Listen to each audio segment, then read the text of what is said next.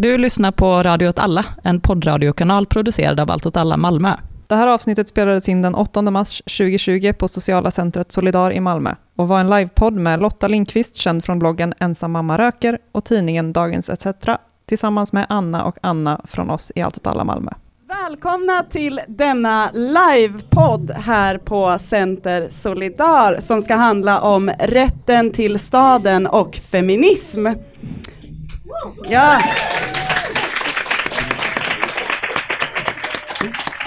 Eh, jag sitter här framför en stor publik som sitter och äter brunch. Det är 8 mars och med mig har jag Anna som är medlem i Allt åt alla och även arkitektstudent. Och Lotta som är känd för sina krönikor i Dagens ETC, sin blogg Ensam mamma röker och sitt mångåriga engagemang i kvinnojoursrörelsen. Och jag heter också Anna och är medlem i Allt åt alla.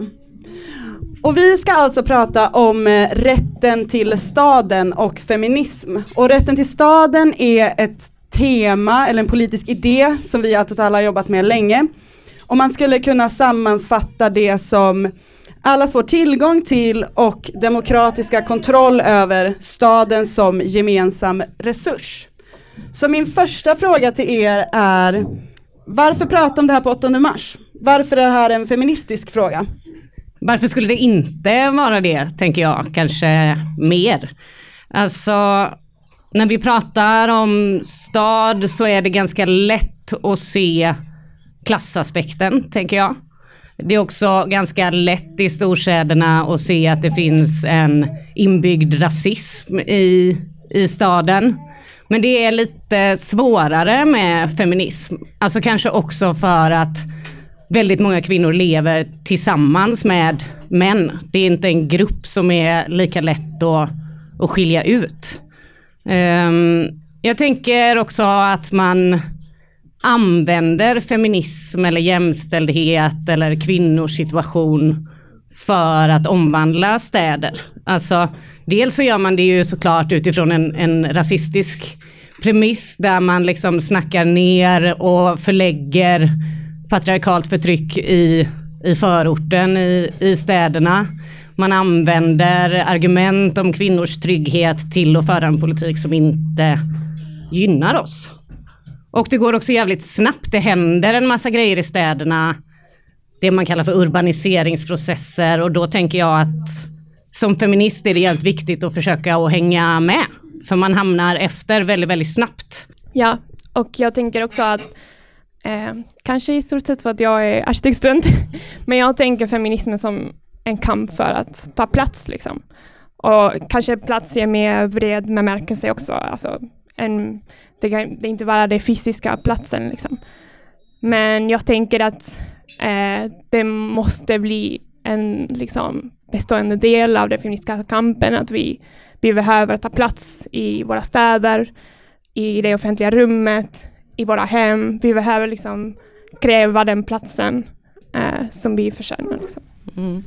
Ja, och det finns ju det finns ju alltid två ingångar egentligen. Alltså dels så har vi situationen som den är idag.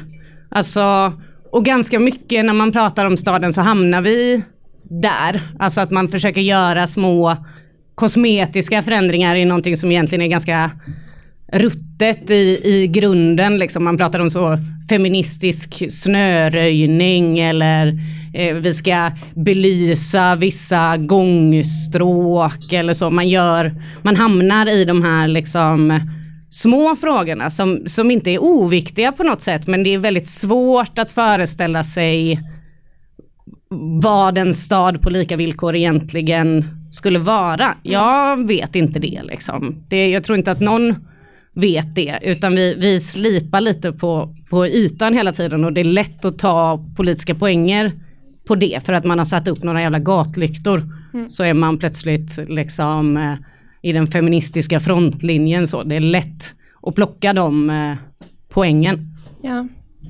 Men också alltså feminismen handlar just om att tänka att, eh, att saker kan vara annorlunda liksom. Och, att, och jag tänker att man måste alltid sträva efter att på något sätt liksom provocera och alltså förändra det vardagliga liksom. Mm. Eh, så jag tänker att man måste tänka det här som en dialog mellan liksom, eh, politiska processer och att då kan man liksom ta det som eh, feminismen har liksom skapat som en slags liksom, analys men också ett sätt att, att göra politik liksom. Mm. och använda det i, i andra kamper liksom. Och tvärtom. Liksom. Ja, jag tänker att vi skulle kunna prata just om lite olika områden som den här feministiska kampen hade kunnat aktualiseras. Och ett sånt som ligger mig varmt om hjärtat i alla fall är bostadspolitik. Alltså det finns ganska mycket forskning idag på att exempelvis kvinnor som lever i våldsamma relationer har svårt att ta sig ifrån dem för att man helt enkelt inte har möjlighet att kunna flytta. För vi har inte en bostadspolitik som tillåter det idag. Mm. Ehm, hur tänker ni kring det här? Feminism, bostadspolitik som en rätten till staden-fråga. Men jag tänker om jag kommer tillbaka till det här det, um, liksom, feminismen som är politiskt projekt av det vardagliga. Um, jag tänker att uh, det, situationen där vi är nu är, det sker som du sa, många politiska, på många urbana processer. Men de liksom skapar vissa könsrelationer liksom. Uh, som har inte blivit bättre för kvinnor. Liksom. Mm. Och där, eh, när man pratar om liksom, gentrifiering till exempel. Eh, gentrifiering var också en process som påbörjades när liksom, kvinnor gick in i arbetsmarknaden. Eh, och då eh, såldes det här som en idé om att eh, nu kan man bo nära där man jobbar. Eh, och så som att det skulle vara liksom en förbättring för eh, kvinnors situationer. Liksom. Mm. Eh, men istället har det blivit att man liksom eh, har inte förändrat hur man egentligen tar hand om hemmet och tar hand om barn och eh, omsorg i stort. Liksom. Så att man liksom bor nära jobbet men måste ändå liksom eh, vara fram och tillbaks och liksom det finns inga platser där det kan ske liksom, på ett naturligt sätt. Liksom. Och att det har också blivit att man liksom, eh, vissa kvinnor har fått den platsen men andra har liksom pushats eh, till ja, eh, periferin av städerna. Och tar ju också hand om andra kvinnors, eh, till exempel hushållsarbete eller så. Det är ju en, en, en stor grej som händer i storstäder just nu, att det växer fram en en del av staden som liksom servar och underhåller den andra. Mm. Uh, och det är ju inte bara på, på kvinnodominerade områden men, men på den fronten så ser man ju en marknad för barnflickor, för hemstäd, man, uh, man säljer liksom säkerhet, man marknadsför områden som säkra och trygga för kvinnor och så bygger man en stad där, där vissa lever och där andra ser till att de kan leva. Så. Eh, det blir ju ett, ett utsugarförhållande eh, som, som de nya städerna har, har skapat. Och det är ju mm. precis så. Vi har inte alls förändrat den här tanken om att män skulle börja göra olika saker. Den, eh, ja, den diskussionen finns ju där men vi ser hela tiden i mätningar att det händer egentligen inte mm. jättemycket. Men istället då så kan man betala andra kvinnor för sin egen frigörelse.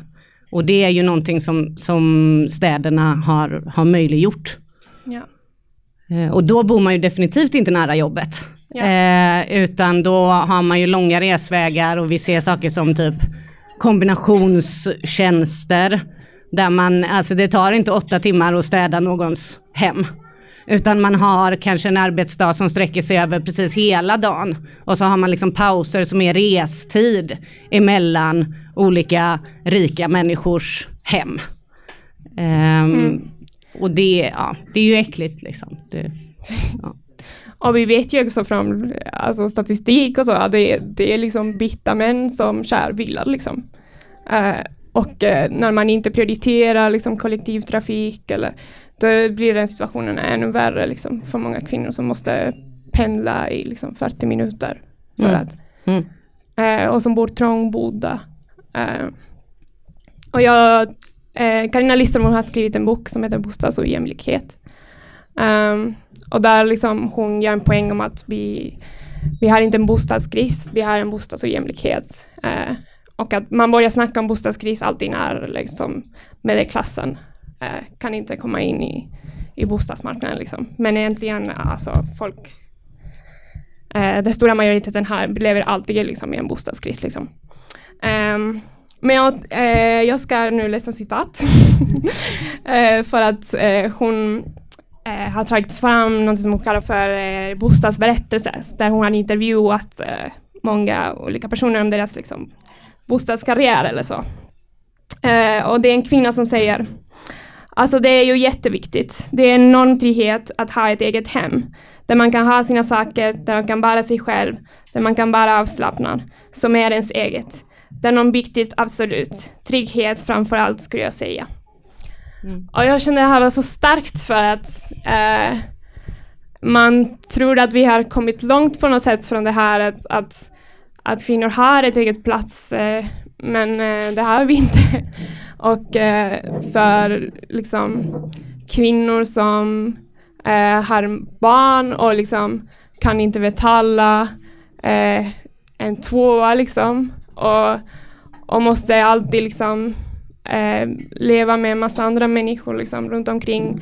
Och, eller som lever uttryckt och går från liksom, andrahandskontrakter till andrahandskontrakter och vet aldrig när de kommer liksom, kunna slappna av. Liksom. Mm. Eh, alltså det där är var verkligheten till jättemånga. Mm. Eh.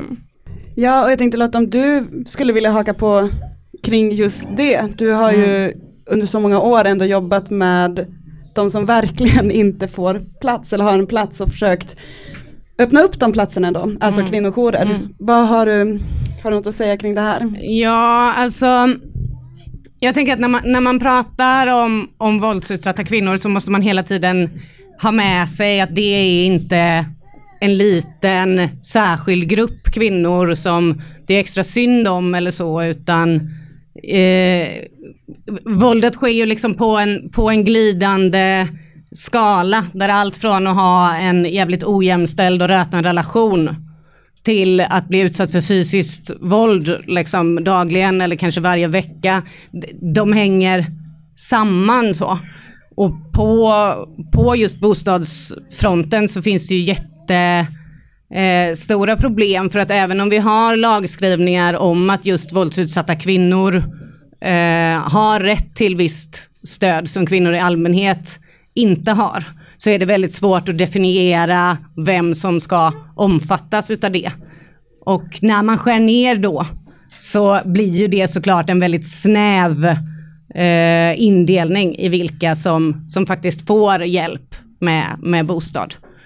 Men dels så är det ju att man lämnar sitt hem, man kommer till en jour och sen tar det ganska ofta stopp. Sen är man utlämnad till en bostadsmarknad där man inte har en chans. Alltså, man är ofta sjukskriven eller man har blivit av med jobbet för att man har varit tvungen att, att liksom flytta långt bort. Barnen kan inte gå i skolan, vilket gör att man inte kan jobba. Man är inte sällan skuldsatt för att man har varit utsatt för ekonomiskt våld som gör att, att bostadsmarknaden är liksom inte, ja, den är, den är helt otillgänglig. Det finns liksom också exempel på hur socialtjänsten kräver att man ska söka bostad själv till exempel. Eh, men har du skyddade personuppgifter och eh, söker på andrahandsmarknaden så kommer Skatteverket att säga nej, varför ska du ha skyddade personuppgifter? Du skickar ju ut dina personuppgifter själv hela tiden på internet. Det här går inte. Vi kommer att ta bort det här. Du får inte ha kvar det. Alltså, det finns ett system där man hela tiden eh, blir, blir låst. Eh, och eh, ja, det är väl egentligen det, det allvarligaste, att man aldrig kan starta om sitt, sitt liv. Men det andra är ju också att, att jourerna inte har några egna lokaler eller boenden. Alltså man får väldigt, väldigt sällan hjälp ifrån kommunalt håll med, med lokaler till sina egna boenden. I Göteborg om man jämför så har vi liksom, vi har en kommunal kvinnojour, det är det ju inte, men ett, eh, ett boende för, för kvinnor och barn som behöver lämna sina hem. Eh, och vi har också kriscentrum för män där tanken är att ja, men det är ju han som ska flytta, det är han som har utsatt henne för våld och så. Ja, det låter ju jättebra. Eh, fungerar givetvis inte för att han vet ju hela tiden vart hon och barnen är. Om de är kvar i, i hemmet. Och man kan ju också tänka att om han var så himla diplomatisk och härlig att han kunde tänka sig att lämna hemmet för att de skulle få det så kanske han inte hade utsatt dem för våld från början. Eh, kriscentrum för män har tillgång till lägenheter för att lite extra motivera de här männen att flytta. Eh, medan KCK, kriscentrum för kvinnor, fortfarande bara har kollektiva lösningar att erbjuda.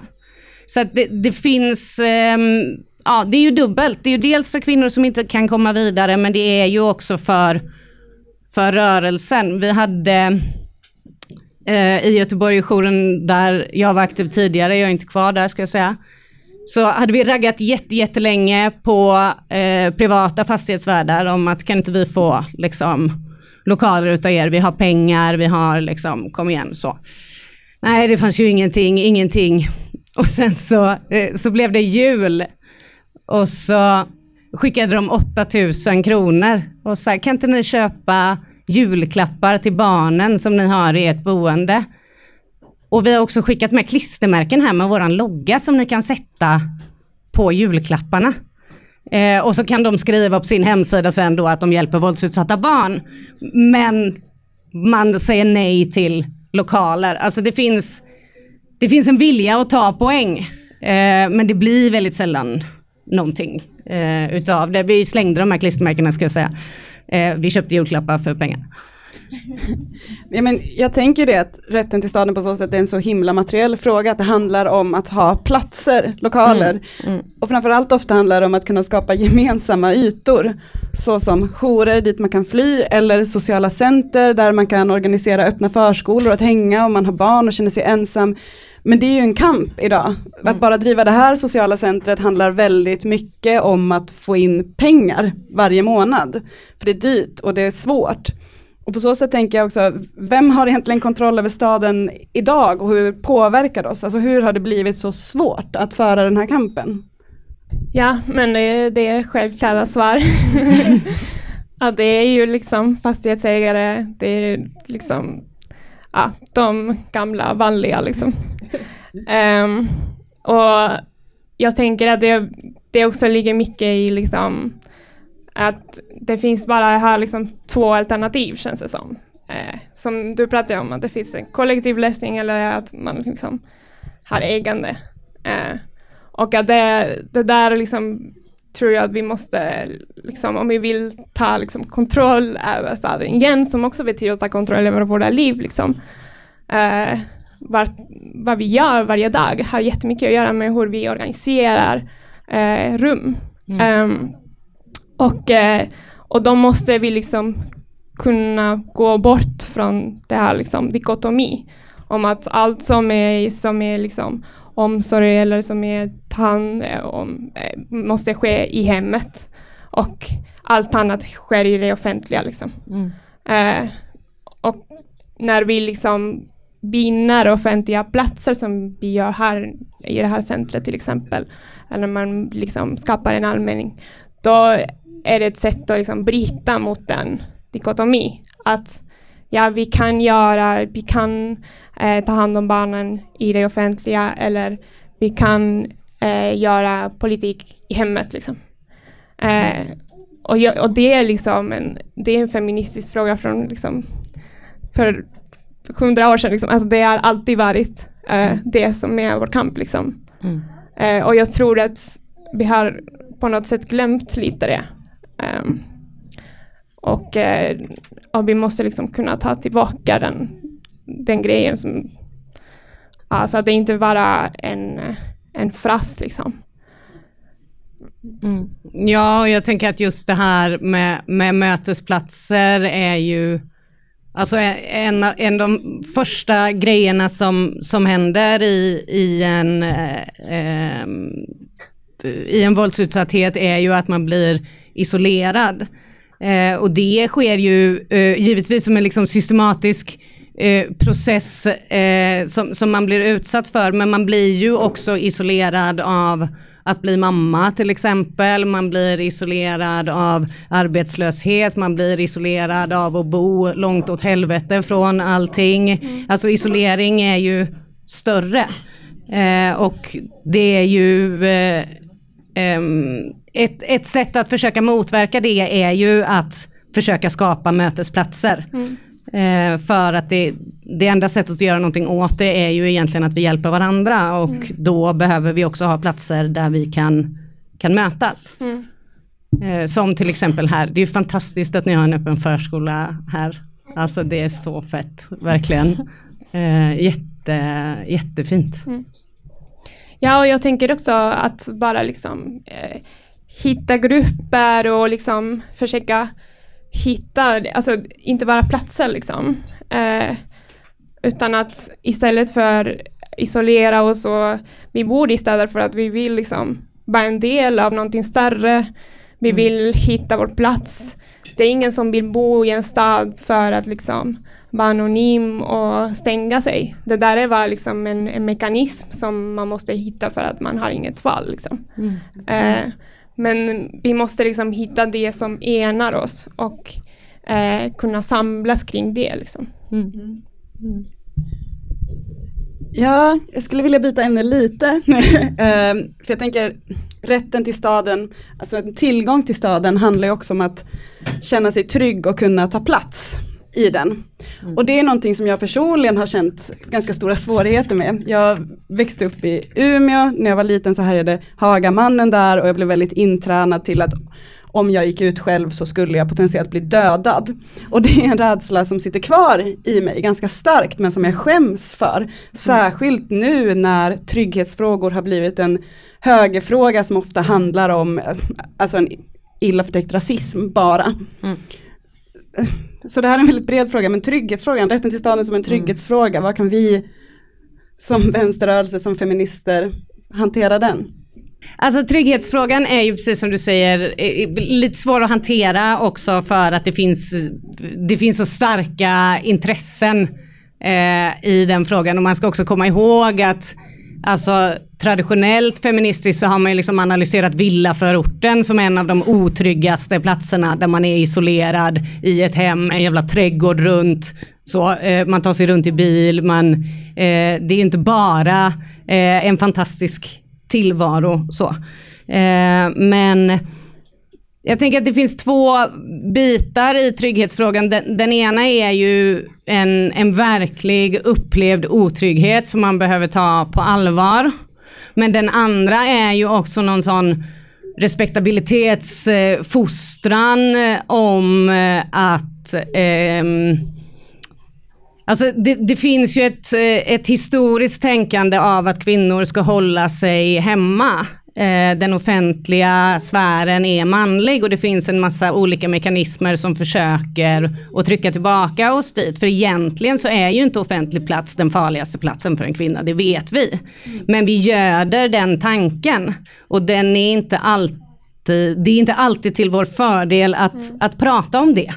Eh, för, för, att man skapar också en situation som inte alltid, det är inte så att situationen blir nödvändigtvis bättre för kvinnor för att man lyser upp gångtunnlar. Mm. Eh, det kan man göra, men, men eh, eh fråg, det är ju inte frågans kärna. Liksom. Mm. Men också liksom, trygghet har blivit något som man, typ, man köper. Liksom. Mm. Eh, om man bor i den rätta området där det inte hänger, alltså, då, då är man trygg. Liksom. Eh, vilket ja, är mm. bullshit. Mm. för att eh, ja, tryggheten ligger inte där. Eh, och det är någonting som eh, för att på, å ena sidan så kan man prata om det, liksom, den trygghet som man kopplar till kriminalitet eller ja, men eh, trygghet är någonting mycket större liksom, som mm. handlar också om att man ska kunna ha en plats eh, där, ska kunna ha en bostad, ska kunna ha ett mm. jobb. Alltså, det utgör också eh, tryggheten, hur man liksom känner sig varje dag. Mm. Mm. Ja, och alltså jag tänker att Eh, att man ska inte förminska upplevelsen av, av otrygghet. Jag läste någon som skrev att, att på natten, liksom, att vara ute ensam, så blir eh, att vara kvinna eller att ha en kvinnlig kropp, det, det är liksom en sårbarhet som man, som man går runt och, och bär på. Och det är ju någonting som är eh, fruktansvärt liksom och det är ju också verkligt med alltså framförallt sexuella trakasserier men, men också uh, reda övergrepp och, och våld. Det, det finns ju men frågan är väl kanske är det någonting som vi kan komma runt genom att förändra staden eller är det egentligen någonting annat? Mm. Uh, vi kan visst göra vissa kosmetiska förändringar men jag tror inte att det ligger i hur staden egentligen fungerar. Mm. Eh, tyvärr, det vore ju mycket lättare förstås. Mm, eh, men men jag, jag, tror inte det utan jag tror snarare att, att man också använder det till att minska kvinnors livsutrymme och det finns ju också en tanke att om det nu är så himla farligt ute och jag ändå väljer att vara ute och jag blir utsatt för någonting ja, skulle inte jag ha tänkt på det här som jag har fått lära mig hela mitt liv. Alltså det finns en, en skuld i att också prata på det sättet. Det betyder inte att om jag hade döttrar eh, så skulle jag inte oroa mig om de var ute på natten. Det är klart att jag skulle göra det. Men, men man ska passa sig för att eh, inte lägga skuld på fel ställe när det händer saker. Liksom. Jag tänker också, alltså jag, jag tycker ändå att det finns liksom eh, att såklart att man måste liksom förändra eh, strukturerna för att man ska kunna känna sig trygg i en stad. Liksom. Men sen finns det också, eh, jag, vet, jag, tror inte på att, att belysa en, en, gata gör så mycket. Jag vet att men, jag är raljant. men eh, att, att det ska finnas med alltså folk eh, i, på gatan, det, det gör faktiskt en skillnad. Mm. Liksom. Mm.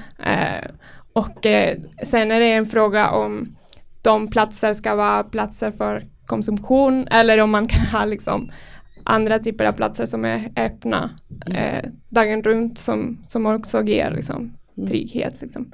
För att det finns en diskurs om att eh, om vi öppnar en massa butiker och eh, restauranger så kommer det bli tryggt. Um, vilket eh, vi ser nu emellan mm. vad som händer också in i, innanför de restauranger. Och alltså, det är inte det som, det är aldrig det som är liksom en lösning på någonting. Att, eh, att lita på att eh, näringslivet ska liksom lösa våra problem. Nej, jag tänker också att det är viktigt här att komma ihåg, alltså vem är trygg på vilken plats? En sak som, som händer just nu är ju att gruppen kvinna som bär slöja eh, blir extremt utsatt i det offentliga rummet. Och det är i innerstan, det är i välbärgade områden, det är att man utestängs ifrån de här områdena som beskrivs som trygga, där liksom kommersiella intressen regerar allt. Eh, man ska också komma ihåg att eh, det finns inte jättemånga studier men det verkar som att de som utsätter kvinnor i slöja allra mest, ja det är vita medelklasskvinnor. Eh, alltså det är, eh, trygghet är ju inte en fråga som är applicerbar på samma sätt på, på alla grupper heller. Eh, och det betyder inte att man inte ska prata om att det finns en otrygghet i våra förorter till exempel, för det gör det ju definitivt. Eh, men det finns inte otrygga och trygga områden. Eh, och det eh, behöver man ju också komma ihåg. Att de rika platserna är ju också extremt exkluderande, detta modeord. Men, men bara för vissa människor. Vad tror ni skulle behövas, alltså om ni fick drömma, vad, vad skulle ske för att kunna öppna upp staden för fler? Jag tror för första det här att eh, vi måste liksom förändra hur vi bor. Och det är en väldigt stort förändring. men, eh, men det finns en massa bra exempel, eh, som till exempel kollektivhus, eh, där man liksom försöker förändra eh, och bryta normerna hur man liksom tar hand om ett hem. Eh, sen det finns eh, en fråga om representation tycker jag. Om att det finns inga liksom eh, monumenter eller namn av gator eller så eh, som representerar kvinnor. Eh, och det, det blir liksom exkluderande. Um, men jag, jag tror grunden till det här är just att vi måste eh, bryta mot det här liksom offentlig privat. Jag, jag tror att, att bara säga att vi ska ta över det offentliga är någonting som har redan försökts och det, det har inte gjort någon skillnad för att eh, om den privata sfären fortsätter vara stängt och det fortsätter vara där liksom allt eh, reproduktionsarbete sker eh, så, så är det fortfarande så liksom. Mm. Ja, alltså där är ju egentligen städerna och att vi bor så tätt in på varandra och att vi är så eh, många en jätteresurs i att man skulle kunna hitta andra sätt att leva, hitta andra sätt att, att göra saker och ting gemensamt. Och vi har liksom Alltså det finns ju en jämställdhetstradition i det här landet eh, där vi är fullkomligt besatta av att man inom kärnfamiljen ska dela lika på allting. Eh, det är liksom det som är den stora lösningen. Det är det som är kvinnlig frigörelse, att han också diskar. Eh, det är väldigt oinspirerande får, får man ju eh, ändå säga. Och alltså vi, vi har liksom hela tiden tanken om att jo men männen ska, männen ska, vi väntar på dem hela tiden och vi skapar en massa incitament för att de ska liksom göra allt som de borde göra. När vi kanske egentligen borde, dels borde kvinnor göra mera saker tillsammans och hjälpas åt, men också kanske vi alla för att Alltså kärnfamiljskonstellationen har ju alltid varit ett av de stora liksom, problemen i, i könsförtrycket. Och där kommer ju också bostäderna in och nu när man har mer och mer boenden som, som man äger så sitter man också där och man har gemensamma lån, man är extremt bundna till varandra. Och det, det skapar ju eh, en situation där, där man inte kan till exempel lämna som vi, som vi var inne på innan. Eh, och, och det kan man ju säga, ja men lösningen är att man ska ha lika stor del i lånet då. Ja, nej, alltså vi kanske bara ska skita i det här med att alla ska äga allting. Eh, och så har vi en enorm hyresmarknad som vi fördelar utifrån de behoven som finns. Ja. Eh, man kanske ska försöka att tänka bortom män någon gång. Eh, hade varit eh, inspirerande tycker jag. Ja, ja, alltså det, det är det, man måste typ våga tänka lite större liksom. Hur eh, kan vi sköta disken på ett helt annat sätt liksom? Mm. Där vi har ett rum där alla sitter och diskar. liksom. Ja. Så alltså, vi, vi är så liksom losta i det här att eh, vi, jobbar, vi går hem, vi gör det här och ja, vi kanske delar på hur vi gör det liksom. Alltså vi, vi måste liksom tänka i helt andra vanor. Liksom. Mm. Ja och det, det är ju egentligen det, det, är liksom, det som är jobbigt med att vara revolutionär från början. Att man liksom hela tiden eh, eh, hamnar i en situation där man, där man dels då ska tala om hur dåligt allting är nu och samtidigt så har man extremt svårt att presentera vad är egentligen alternativet, vad är det vi ska göra istället. Eh, men jag tänker att, att man också det kommer vi att märka. Alltså vi får ta de steg eh, vi kan och så, och så kommer man att kunna börja drömma under tiden. Ja. Men det finns ju ett problem just nu med att överhuvudtaget kunna drömma för att det är jättesvårt att organisera kvinnor, kanske särskilt kvinnor efter att de har fått barn. För att man jobbar, man har hushållsarbetet, man har eh, barn som inte är välkomna på väldigt många offentliga platser. Alltså barns rörelsefrihet i en stad är obefintlig. barn får inte gå ut själva överhuvudtaget. Så. Eh, och då blir man ju låst. Ja. Och då tänker jag att ett liksom bra första för att kunna komma någonstans är att ha platser där vi kan mötas, där vi inte förutsatt ska ha en man hemma som tar halva tiden, utan vi kan ta med oss våra ungar. Eh, det är väl härligt om man har en man, grattis liksom, men eh, ja.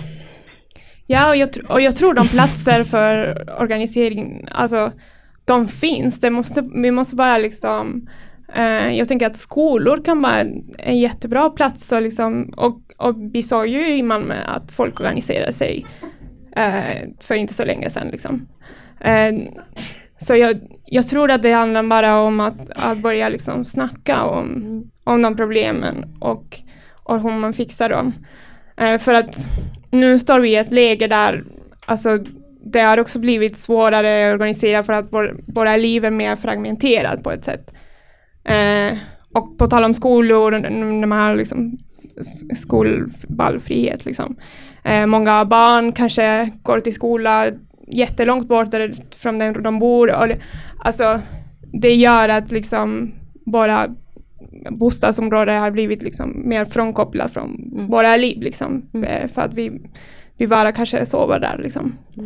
Eh, så jag tror att det finns en, liksom, en poäng i att försöka hitta tillbaka till vår lokal eh, plats och lära känna eh, där vi bor bättre. Och försöka liksom, eh, ja, hitta en koppling till liksom, våra bostadsområden. Och det är ju svårt också när, när eh, det finns så mycket osäkerhet på bostadsmarknaden för att man flyttar hela tiden. Det är en sak om man liksom bor på samma ställe jämt i många år.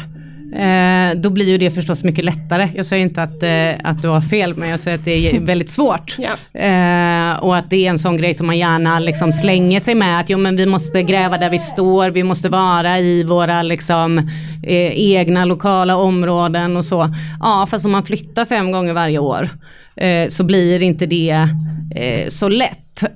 Och när vi också har en liksom eh, en bostadsmarknad där man hela tiden eh, ska försöka ta sig till någonting bättre.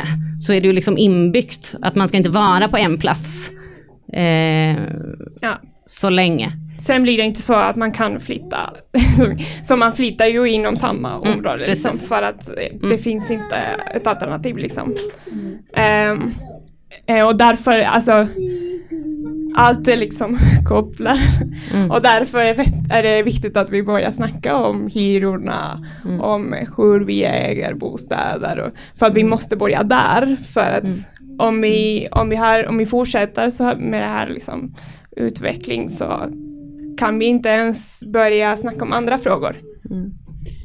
Ja, och jag tänker att det som det här samtalet har varit ganska bra på att lyfta är ju just alternativ och vad man kan göra och saker som sker. För att vi står ju inför ganska deppiga politiska tider av allt att döma. Med införande av marknadshyror, alltså att allting bara konsekvent blir sämre också generellt på alla sätt. Tyvärr, men så behöver det inte vara. Så jag tänkte, alltså, vill ni kommentera fler så här, peppiga exempel, alltså saker som kan göras, saker som faktiskt sker. Så att man inte går härifrån och bara tänker, ja, ja, jag får väl prata om det här och tänka på det. Vi vill ju ändå mana till handling tänker jag. Mm. Ja, men jag, jag tänker att man väl ska ta med sig, och jag behöver eh, tänka på det ofta också, att så här, revolutionen hänger inte på mig. Eller på någon enskild person utan jag gräver där jag står och gör det lilla som jag kan i den situationen som jag är. Eh, råkar jag då vara till exempel ensamstående med barn, ja, då, då kommer jag inte kunna göra allting. Men det finns kanske små grejer jag, jag kan göra. Eh, som kan vara en, en del i någonting större.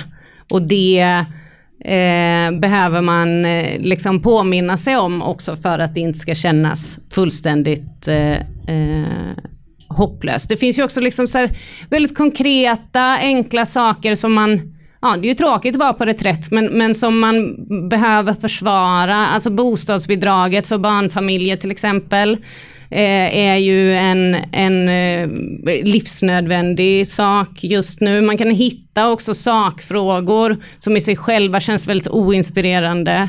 I Göteborg så har vi en massa lekplatser, fantastiska offentliga platser tillgängliga för barn, mötesplatser för kvinnor, skitbra där man inte vill underhålla längre. Så då håller man på att ragga på olika bostadsrättsföreningar. Att så här, men kan inte ni ta över den här lekplatsen så kan ni liksom göra vad ni vill med den och ni kan ju ha lite sådana här pallkragar och sånt där ni kan odla olika fröer och så. Och, och helt plötsligt så liksom privatiseras den här lekplatsen. Och det kommer upp ett staket och det är plötsligt bara bostadsrättsföreningens barn som ska leka där. Alltså det kan kännas jätteoinspirerande att hålla på och bråka om en jävla gungställning men, men jag tänker att man får hitta de här eh, småsakerna som är, som är stora. När det är många, när det är alla lekplatser. När vi inte behöver lekplatser för att alla har en egen trädgård. Alltså då, ja, då är det inte så himla litet längre. Ja, jag, jag tänker det är viktigt det du säger att vi är inte ensamma för att um, jag tänker många feministiska frågor har blivit så individualiserade och att eh, ah, jag, måste, jag måste göra så här för att det, det är så liksom, det är rätt och ja. Och att det, det är så farligt att tänka så för att ingen förändring sker av liksom, en individ och vad den gör. Liksom.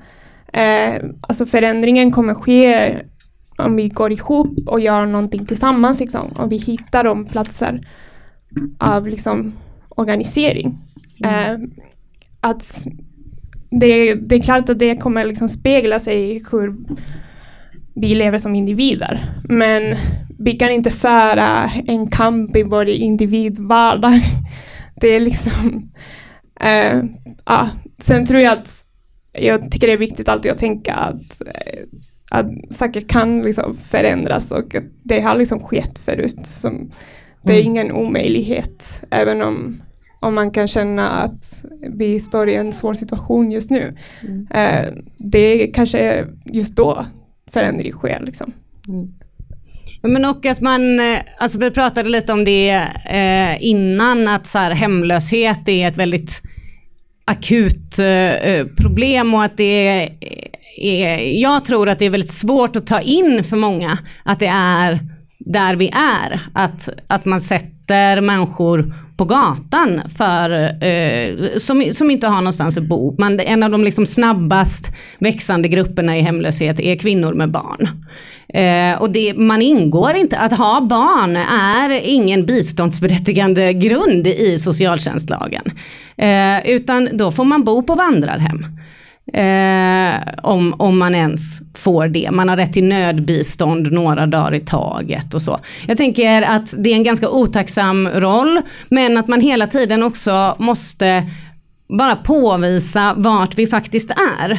Hur, eh, hur det ligger eh, till. För jag tror att det är väldigt lätt att avskärma sig ifrån det. Och det finns ju också en aktiv eh, politik för att liksom ta bort grejer som man säger stör stadsbilden. Man tar bort till exempel hemlösa människor. Man förbjuder tiggeri. Man bygger bänkar med sådana jävla taggar på för att ingen ska kunna ligga där. Alltså man, man försöker ju att täcka över. För att det finns en kraft i att om man blir medveten om de här sakerna så händer det någonting. Eh, och då får man vara jävligt jobbig och hela tiden prata om hur rötet är. Och så försöka att inte gå under då under tiden. Ja, jag tänkte börja avrunda då. Eh, jag har alltså pratat här, identifierat flera problem som finns med dagens stad, men också att det finns ganska många alternativ till motstånd. Ni kan, alla som sitter i publiken här och alla som lyssnar, börja komma hit till det sociala centret och engagera er här. En typiskt bra öppen yta har ni barn, kom på vår öppna förskola. Eller bara vara i ert närområde och börja kriga om lekplatsen som plötsligt ska bli bostadsrättsföreningens. um, vad ni också alla som har lyssnat ska göra är att gå in och börja följa Radio åt alla som finns där poddar finns. Och med detta så vill jag tacka för den här fantastiska pratstunden. Tack. Du är en sån jävla säljare. 哈哈哈哈哈哈哈